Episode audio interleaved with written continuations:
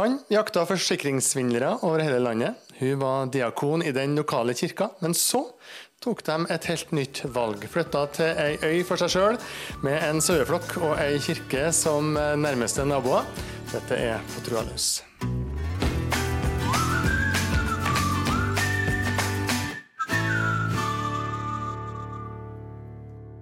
For denne historien utspiller seg på Nærøya. Her er vi akkurat nå, i stua i hovedhuset her. Eh, rett utafor oss så ligger Folla og havet. Innenfor oss er Rørvik og Ottersøya. Vi er midt i Namdalen. Og dette, Øyvind og Rønnaug Løvrød, dette er deres nye verden.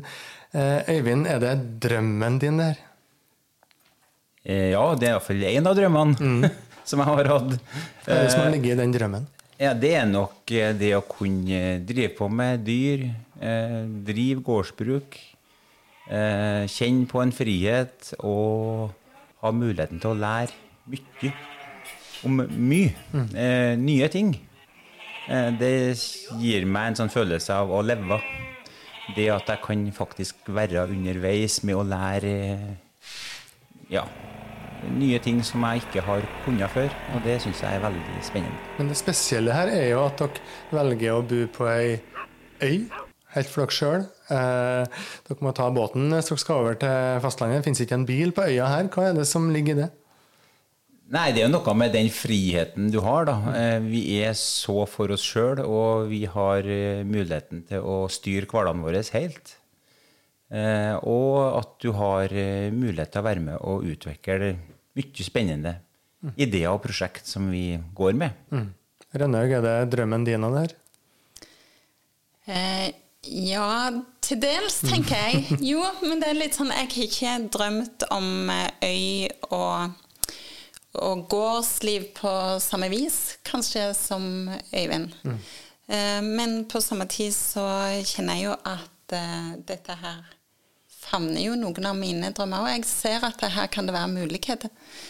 Um, mm, og det er jo en, en nydelig plass. Mm. Ei perle en mm. Rett bak oss her, når vi kom mm. inn mot uh, hovedhuset her, så gikk vi forbi ei flott middelalderkirke, Nærøya kirke, uh, bygd på 1100-tallet. Og det sier noe også om tradisjon og trua som ligger på her plassen. Du jobber jo som, akkurat nå som prest òg, mm. eh, i Nærøysundet sokn. Hva betyr kirka for deg? Jo, kirka er jo viktig for meg mm. på flere vis. Men det er jo mine arbeidsplasser, mm. på et vis. Mm. eh, så det, nå har jeg jo Jeg er jo diakon opprinnelse. Jeg har jo arbeidet i flere år som diakon, før det menighetspedagog. Mm. Og når vi skulle flytte hit, så sjekka jeg jo om det var diakonstilling. Og det var jo ikke det. Det er jo ikke oppretta diakonstilling, men det er prestemangel. Mm. Så da fikk jeg spørsmål om jeg kunne tenkt meg å være prestevikar. Mm. Så plutselig du, har du en ny rolle i kirka. Ja. Du har vært mm. diakon, menighetspedagog, mm. klokker, mm. menighetssekretær. Ja. Prøvd det meste. Det betyr også at at du har hatt en stor del av livet ditt på en måte knytta til kirka. Mm. Vi hører jo på dialekten din at du er fra Sør-Vestlandet, mm. fra Jæren. Noen vil mm. si fra bibelbeltet. Hvordan uh, møtte du tru i oppveksten din der? Mm. Eh, som helt, eh, helt ifra jeg var helt liten, så mm. har trua på en måte vært en del av mitt liv. Jeg var på søndagsskole, ble sendt av gårde dit. Mm. Eh, så det starta på et vis kanskje der. Eh, og så var jeg med i alt av eh, aktivitet, kor og foreninger. Ja. Sånn at for meg så, så var liksom trua Jeg vet ikke, det var viktig. Det var en viktig del av meg helt fra jeg var liten. Mm. Det var sånn at jeg var bevisst at det var viktig for meg. Hvordan ble trua formulert i Misjonshuset i Varhaug på Jæren? Mm. Nå når jeg ser tilbake på det, så tenker jeg jo at uh, det var litt strengt mm. og konservativt. Uh, så vet jeg jo at det har skjedd mye der, òg i forhold til den formidlingsformen, kanskje. Uh, Hva var det som var strengt? det var egentlig jeg tenker det var både innhold og kanskje måten det var formulert. Litt sånn med pekefinger. Mm. litt mye menneskebud tenker jeg. eh, sånn sett i etterkant. Men når vi gikk der som barn og ungdom, så i alle fall som barn så tenkte jeg ikke sånn over det. For det, det var jo mye omsorg, Mm. og mye flotte folk som gikk og som vi møtte der. Vennene mine var der. Så det var veldig mye positivt. Mm. Du fortalte meg at du Men- noen gang gikk hjem og prøvde å oppdra foreldrene til å bli Ja. enda mer innenfor ramma. Ja, det var jo så strengt at en skulle jo ikke sitte med håndarbeid på søndagene. Nei. Og det er mest rart å tenke tilbake til at, at det var sånn. Eh, at det ble formidla på en måte. Eh, ja. Så jeg har måttet sagt unnskyld hjemme. Rett og slett til min mor.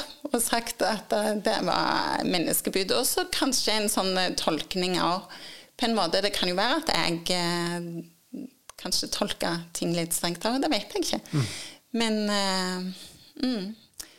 Nei, så jeg tenker det hadde jeg, eh, det hadde jeg med meg på en måte litt det der en sånn pekefinger og strengt hva som var lov og ikke.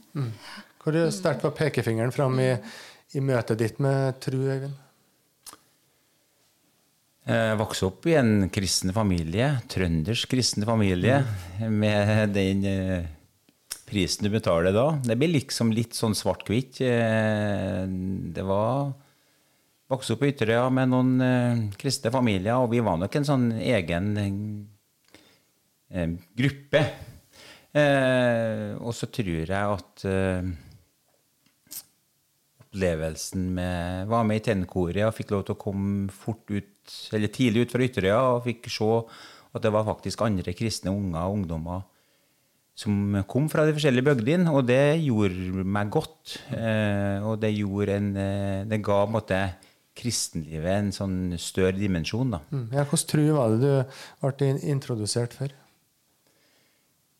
ukomplisert, eh, enkelt eh, tilnærming til både Gud og eh, trua. Eh, og den har jeg nok båret med meg. Var det noen gang du tenkte at dette ville jeg sette på prøve? Var det noen gang det var krevende å, å tro?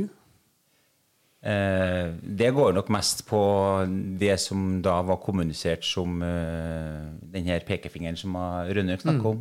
Kjenner meg igjen der. Altså at, eh, og, og det er litt sånn litt skremmende at eh, vi så lenge etter Jesus og, og det her oppstarten på, på det her livet eh, fremdeles har behov for å rydde opp i ting. da. Og, eh, Har du hatt det?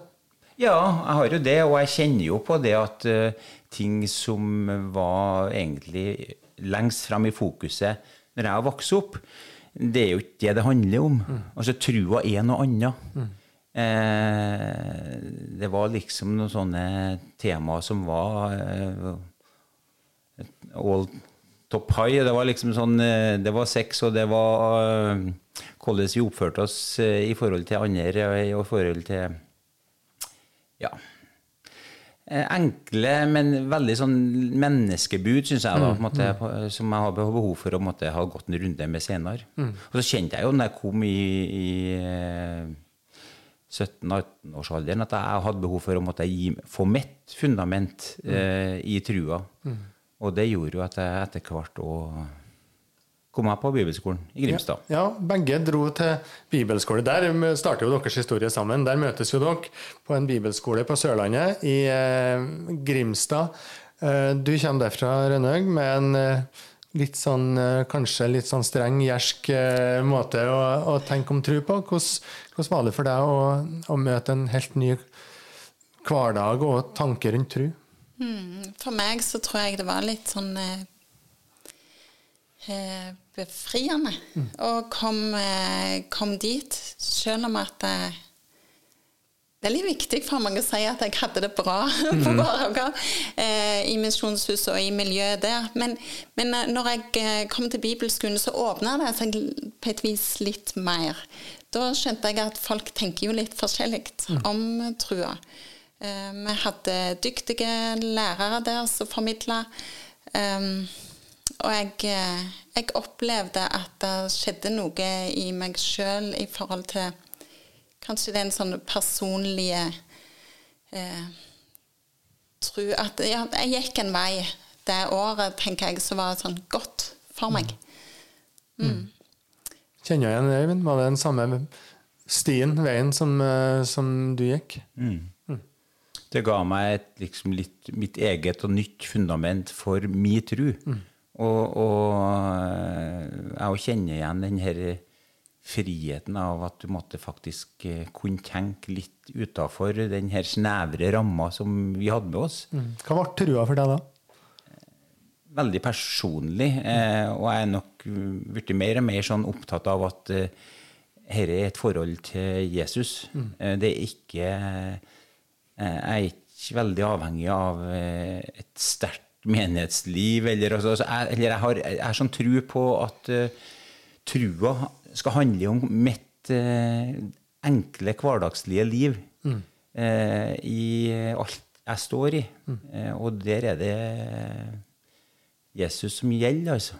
Eh, og det gir jo en sånn frihet i forhold til trua. Altså, jeg, jeg kjenner veldig lite på forpliktelser for en, en, en sammenheng som måtte forvente og Du gjør ting fordi at det er det er opplest og vedtatt at sånn skal du oppføre deg, sånn skal du gjøre, og du skal prioritere det. Og altså, eh,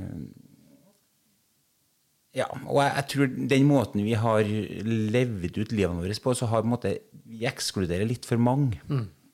Og det har nok ligget på meg. De som i kirka, eller eh, Ja, altså etablerte kristne, eller, og, og sammenhenger. Eh, jeg tror vi har rett og slett eh, eh, tatt ifra folk frimodigheten til å kalle seg sjøl kristen og troende. Eh, fordi at vi har litt for sterke meninger hatt om hvordan det skal, her skal gjøres. Og ramma vår er litt for lita. Altså, vi, vi har ramma inn Jesus, og vi har gjort den, så holder fram at sånn er det. Men jeg tror Jesus han er faktisk kom for alle, og han eh, har noe for alle. Og, og da er det viktig at uh, folk i, eh, som har helt annet levesett og annen tilnærming, og ikke føler seg for bekvem i, i våre sammenhenger, og kan kjenne på at de har jo, jeg har ei tro, jeg òg. Gi folk frimodighet til å kjenne, tro at Jesus er faktisk akkurat like glad i dem da, som oss. Vi skal komme tilbake til, til hvordan det kanskje har ført dere, eh, egentlig helt, helt fram til Nærøya. Men hvis vi går tilbake til historien deres, så har dere altså funnet sammen på denne bibelskolen på Sørlandet. Eh, studert litt på hver deres kant. Blitt et eh, par. Gifta dere. Eh, flytta litt sånn i Asker, Melhus, Frosta. Eh, Varhaug tilbake til Jæren, og tilbake til Frosta igjen. Eh, tre barn. Jobb som politi for Øyvind sin del. Jobb i ulike menighetssammenhenger for der Rønnaug. Det høres ut som et travelt liv. Det kan du si. Det har jo vært med Klart vi har jo tok noen valg som gjorde at vi skapte litt travelt liv. Bare sånn når vi kom eh, til småbruket på Frosta, der eh, vi måtte ha fyringsvakt på, på natta. Vi hadde en liten baby som lå med lue og ullvotter. Um, og vi pussa opp og flytta fra rom til rom.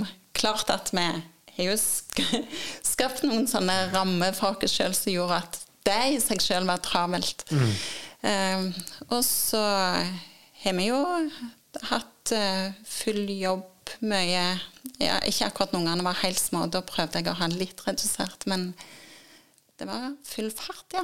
Du har fortalt meg at til slutt så gikk det på helsa løs. Ja. Jeg havr- havna i et sånn eh, hamsterhjul etter hvert.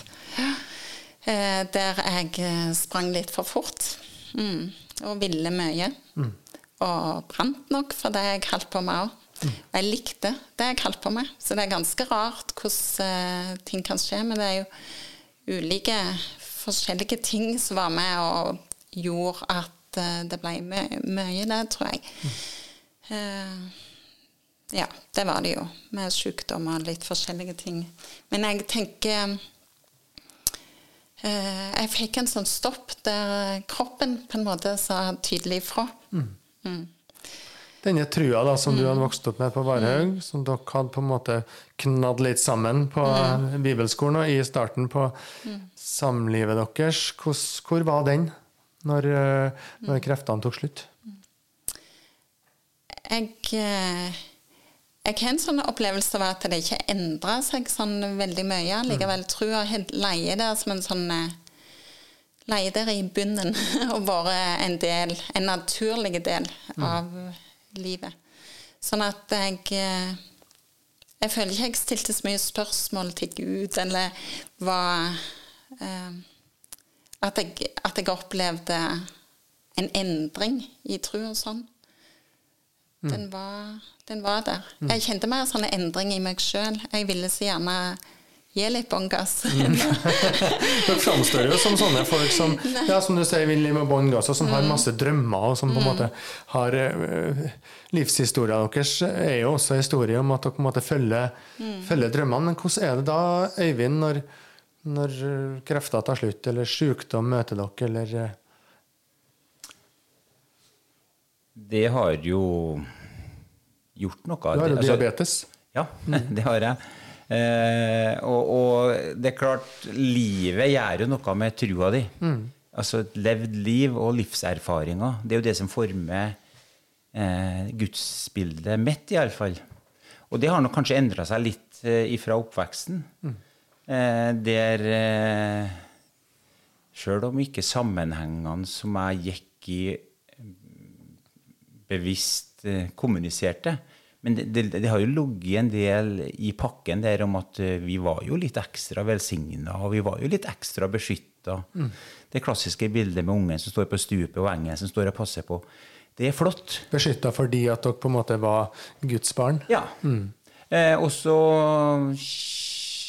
erfares det jo at eh, vi, det er ikke sant. Og så begynner du å spørre at vi må jo snakke sant om livet. Altså, det, det her henger ikke i hop. Eh, og det har nok påvirka litt rann, Oi sann, jeg fikk en krampe i Vi tar alt som skjer her. ja, lempa sau hele dag, og da blir det sånn. Ja, ja, ja, men det er, jo, det, passer, det er god timing det når vi snakker om det å ha utfordringer i Ja. livet. Mm. Nei eh, Så det har jo gjort at eh, Jeg har på en måte tenkt at noe av det som måtte, jeg har med meg i bagasjen, det måtte uh, revurderes. da. Mm. Hva som kom i stand? Eh, et mer tro på at uh, Jesus er med på tross av det som skjer, altså. Eh, det er ikke han som sitter og trekker i trådene, og, og at ting, eh, verken uh, sykdom eller eh, hendelser eh, Jeg må tro at han eh, faktisk er med meg gjennom det som skjer, på en litt annen måte enn det jeg hadde med meg som unge, iallfall. Når kreftene tar slutt, Rønnaug, gjør det også noe med perspektivene og valgene senere i livet? Jeg tenker jo at jeg hadde ikke vært Jeg hadde ikke tatt de valgene jeg gjorde videre heller, hvis jeg ikke hadde stoppet opp litt. For selv om jeg sleit mye med det der å skulle måtte, måtte bremse For det var ikke lett, men kroppen fortalte meg at jeg måtte det. Men eh, ja, Så det, det var mange prosesser rundt det. Men det gjorde at jeg fikk tid til å reflektere på en annen måte enn når du bare springer. Mm. Du ble diakon etter hvert i Ja. kirka, du jobba i bymisjon. På hvilken måte tok du med deg erfaringene inn i det? Det tror jeg nok vært med meg som en sånn ekstra eh, Kanskje styrke, skulle jeg til å si. Men det, i alle fall så gjør det noe med en, litt sånn som Øyvind sier. når en gjør seg ulike erfaringer underveis, så tar en det jo med seg um, som en erfaring og lærdom, på en måte. Um, for meg å komme til Kirkens Bymisjon var helt fantastisk. Jeg stortrives eh, i arbeidet. Mm, Hva var det du fant der? Det med å ha en sånn kirke rett i byen. byen, en, et rom der en møteplass der folk kunne komme, med måltidsfellesskap. Mm, For nå snakker vi om Vår Frue kirke Nå snakker jeg om Vår Frue kirke. ja, det gjør jeg. Mm. Og um, for meg så var det helt nydelig å ha den møteplassen.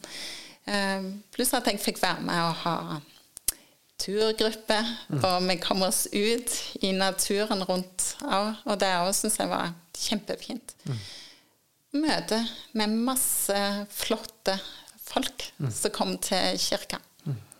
Mm. Det, det, Vi snakka om mm. at dere er folk som følger drømmene, som gønner på i noen sammenhenger. Eh, Øyvind, en av de tingene som sikkert mange tenker på med navnet ditt, er jo festivalen MIG på Frosta. Gospel, musikk, camping. Ute på Tautra. Eh, Starta litt ut på 2000-tallet. Din drøm, det òg. Eh, fortell litt om det. Hvordan starta det eventyret der? Ja, du, det starta jo egentlig med gospelkoret Rejoicing på mm. Frosta. Der var dere med? Der var vi med mm. fra starten. Eh, og der var det en herlig tenor. Einar Hagerup. Mm. En flott mann. Eh, raus, eh, klok. Og utrolig omfavnende. Eh, han fikk dessverre hjernekreft. Så han ble syk, alvorlig syk. Og på dødsleiet så fortalte han meg om en visjon. Eh, om at han ønska å få til en plass, en ny arena, der vi kan møtes eh, på tvers av tilhørighet eh, og båser, eh, på tvers av eh, tolkinger av forskjellige ting. Eh, men en plass vi kan fokusere på at vi faktisk er på den samme vandringa vi er i livet, og vi ønsker å ha en, en sånn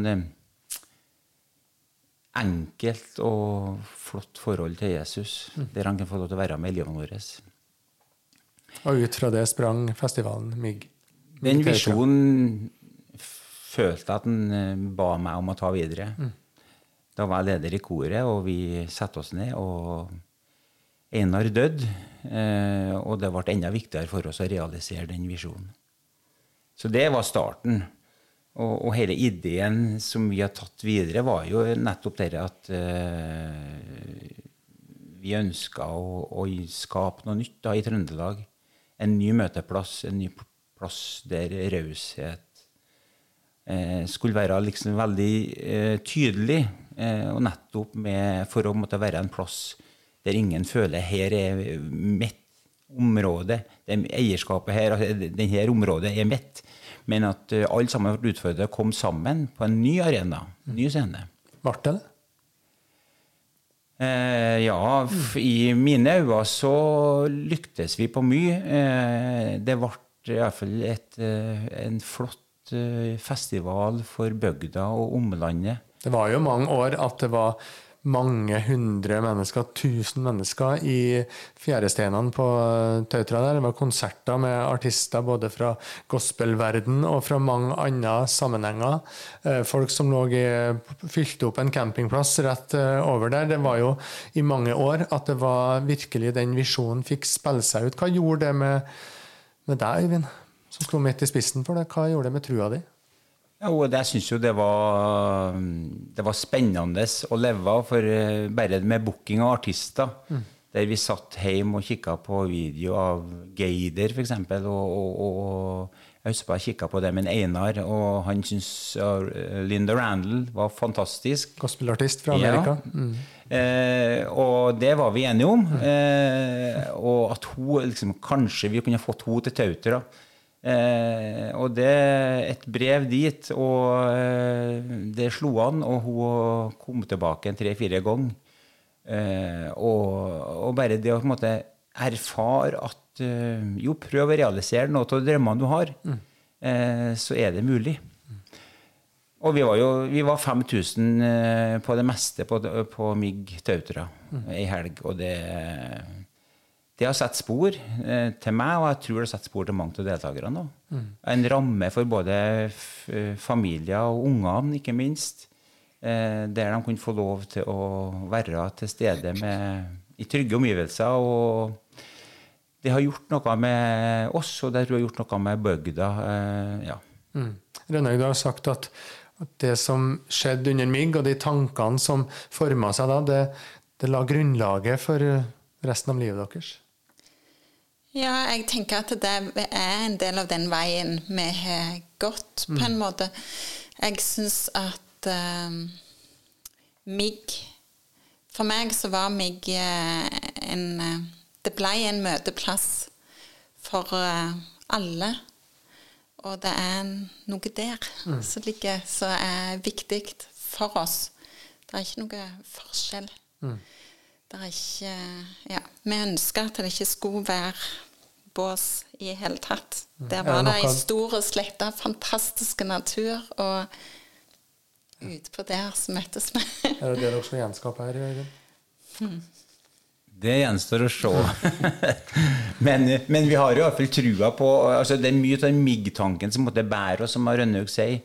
Eh, det med at vi er alle sammen på den samme vandringen. altså er, det, Livet er en livsvandring fra A til Å. Eh, der vi må faktisk bruke de mulighetene vi har underveis. Mm. Og MIG vi, så vi på som en sånn møteplass. Nå, nå var vi der noen dager sammen, og vi, vi, vi kosa oss, og vi hadde det bra. Og så måtte vi pakke opp og gå der videre mm. i livet. Og, og vi ønska at dette skal være en plass der vi måtte bygge bruer og reiv murer mellom uh, folk og grupperinger. Mm. Livsvandringa deres Øyvind og Rønnaug, den eh, gikk jo videre, først og fremst på Frosta, men også utaskjærs etter hvert. Uh, på et tidspunkt så pakker dere sekken og drar til Thailand hjelpeorganisasjonen Partners. Der eh, får du jobb, Øyvind. Eh, hva gjorde det med dere det året i Thailand? Eh, det var et viktig år for oss, tenker jeg. Ungene var jo ganske små. Tre, åtte og ti år. Mm. Um, når vi snakker om det året nå i etterkant, så, så, sitter vi igjen med en opplevelse av at det var viktig for oss, og at det var godt på mange vis. Men det skjedde jo flere ting eh, det året som gjorde at det ble krevende òg. Eh, Fortell litt om det. Ja, vi mista svoger. Eh, han eh, døde i november. Og brått. Mm. og da for vi jo hjem. Uh, rett hjem. og det var jo en sorg for oss alle. Og vi valgte jo å være hjemme en måned da for å være sammen med familien. Mm. Mm. Og så får vi jo tilbake etter jul, da. Og, um, og fortsetter jo arbeidet. Men vi hadde jo med oss den sorgen og erfaring. Men klart, i møte der med uh, Nå ble jeg litt sånn rørt. Mm. Men uh, i møte med Karen-folket og de som var på flukt i eh, Burma. Inn i jungelen så opplevde jeg at heimene ble nedbrent. At folk eh, De mista jo familie. Det Ja. Det var grusomhet som skjedde der inne i jungelen. Og da tenker jeg at um, Nei, det var litt sånn spesielt i alle fall å oppleve sorg sjøl. Og så var vi i møte med deres sorg av. Um, jeg vet ikke hvordan jeg skal forklare det helt, men, mm. men uh, det ble i alle fall en sånn uh, Jeg opplevde at vi fikk like mye som vi ga det året. Vi skulle jo ut og hjelpe andre, og så når vi kom tilbake da, så ville jo folk prate med oss og høre hvordan vi hadde det. Og det gjaldt jo ja, både Karen-folk og de vi arbeider med i Partners. Sånn at det, eh, det er noe med det der å kunne gi omsorg til hverandre. Og der er det noe viktig. Det er mm. at um, vi Det ble gjerne enda tydeligere. Vi skulle ikke bare ut og hjelpe og gi. Men det er en sånn eh, Hva kalles det? Det er en sånn um, Gjensidighet. Gjensidighet er faktisk ordet. Som er så viktige òg. Som jeg kanskje ble litt mer bevisst. Og så var det jo Jeg vet ikke hvor mye jeg skal gå inn på flere ting som skjedde det året. Men, du var i hvert fall innblanda i ei motorsykkelulykke, ja. Øyvind, og du hadde ryggoperasjoner der nede i Thailand. Og mm. altså her drar dere altså på et eh, hjelpeoppdrag Dere skal gi liksom ett år av livet deres, og så blir det så avbrutt. Eh, festivaleventyret på Tautra har jo i hvert fall foreløpig blitt litt pauser. Eh, årets festival ble avlyst. Det var jo en sånn en visjon som du hadde, Øyvind. Hender det at du blir Du har lagt det her liksom i, i hendene til Vår Herre. Hender det at du blir skuffa?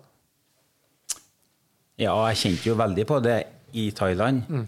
Eh, da hadde jeg faktisk eh, to prolapsoperasjoner i Bangkok.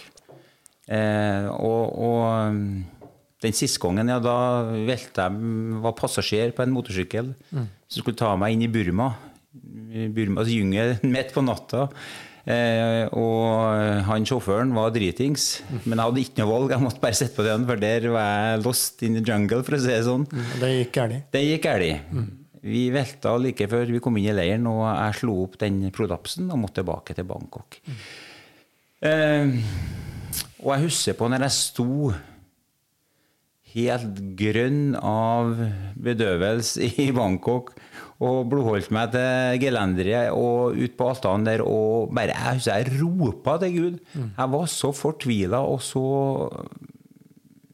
lei meg over at jeg, jeg, jeg følte rett og slett meg for litt sånn forlatt. Mm. Eh, og det går noe på det at uh, jeg hadde en oppfatning av at uh, ja, når du skal ut på oppdrag, så er du i hvert fall litt ekstra beskytta og velsigna. Mm. Og jeg kjenner nok på det at jeg må, livet mitt har nok vist meg at jeg må endre litt på den oppfattelsen av hvordan eh, det her fungerer. Mm. Eh, for det er litt for mange ganger jeg ikke føler meg veldig, veldig altså beskytta og velsigna. Mm. Eh, men jeg må blåholde, eller jeg vil blåholde i trua mi for det. Altså, det har ikke noe med det, men, men det er noe med at uh, gudsbildet blir litt annerledes. Mm. Hva er trua da? Nei, Jeg husker på en Stiv kom til meg i Bangkok eh, fra Partners. da, Kom til meg og hørte jo på min beklagelse, men minte meg om at husk på de folkene i Burma som lir hver dag og hver natt. Eh, men tror. Mm. Så det er noe der at du måtte eh, du, du, må ha en tillit til at Jesus er med deg gjennom det du står i. Han har alle lovt oss å beskytte oss mot dette her. mot verken sykdom eller noe. så det handler om å, å, Vi må snakke sant om livet, da. Mm. Det er krevende for mange, mange ganger. Mm. Hvordan tenker dere at dere kan ta med alle de erfaringene inn hit til Nærøya? Det er et godt spørsmål. Mm. jeg, eh, med dette her vi er, denne perla av en plass, den skulle jeg jo håpet at uh, flere kunne oppdaget. Og så har jeg jo kjent litt på at hverdagen er jo travel mm. for oss her òg. Ehm, Øyvind har jo arbeidet og stått på veldig mange timer i døgnet for å eh, ja, lage det til godt og fint her. Mm. Uh, og det er mye, du tar, mye å ta tak i. Og jeg tar båten over, ja. Mm. Mm. Og det gjør jeg jo daglig mm. omtrent, og i helgene òg. Søndag. Sånn at uh, jeg kjenner jo at jeg har litt sånn litt travelt liv her òg. Min drøm oppi alt dette er kanskje at tenk om eh, vi her kunne fått til en sånn eh, møteplass på tvers av alt, men en plass folk kunne bare komme og gå i naturen. Kjenne på denne her ja, den roen og freden som faktisk er utpå her. Um, kirka, middelalderkirka, ligger her som en skatt. Det er helt uh, kjempefin. Um, der ser vi jo for oss at uh, det kanskje kan være enda flere konserter. Nå er det allerede ei venneforening som uh, har arrangert konsert en gang i halvåret, er det vel? Ja. Um, men òg at en kunne hatt mer i den kirka tilbud. Men ellers bare plassen i seg sjøl kan være med å gi fred, tenker jeg. Eh, og en, uh, et møte med skaperen i naturen òg, tenker jeg. Mm. Så jeg håper at vi kan lande litt mer på stedet rett og slett. Hvordan ser du for deg framtida her på Nærøya, Øyvind? Ulf Lundell, vet du. Mm. En kjent sang. Ja, trives best i fred og frihet. Og så går det linja som at sjelen kan få fri, få fred. Og det er noe med at her har du den fysiske ramma og muligheten til å faktisk senke skuldrene og finne deg sjøl. Eh, kjenne på pulsen eh, på livet. Eh, der ja er ja og nei er nei, og tvilen tider stille. Mm.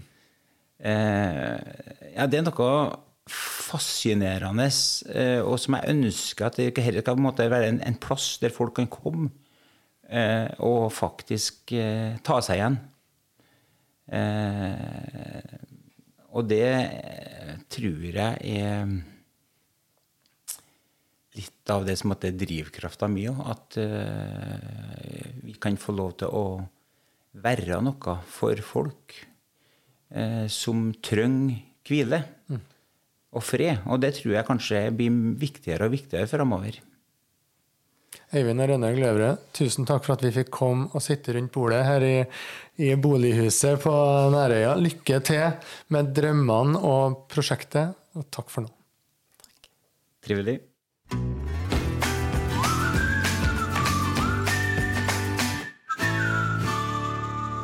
På Trua laus er en podkast fra Nidaros bispedømme.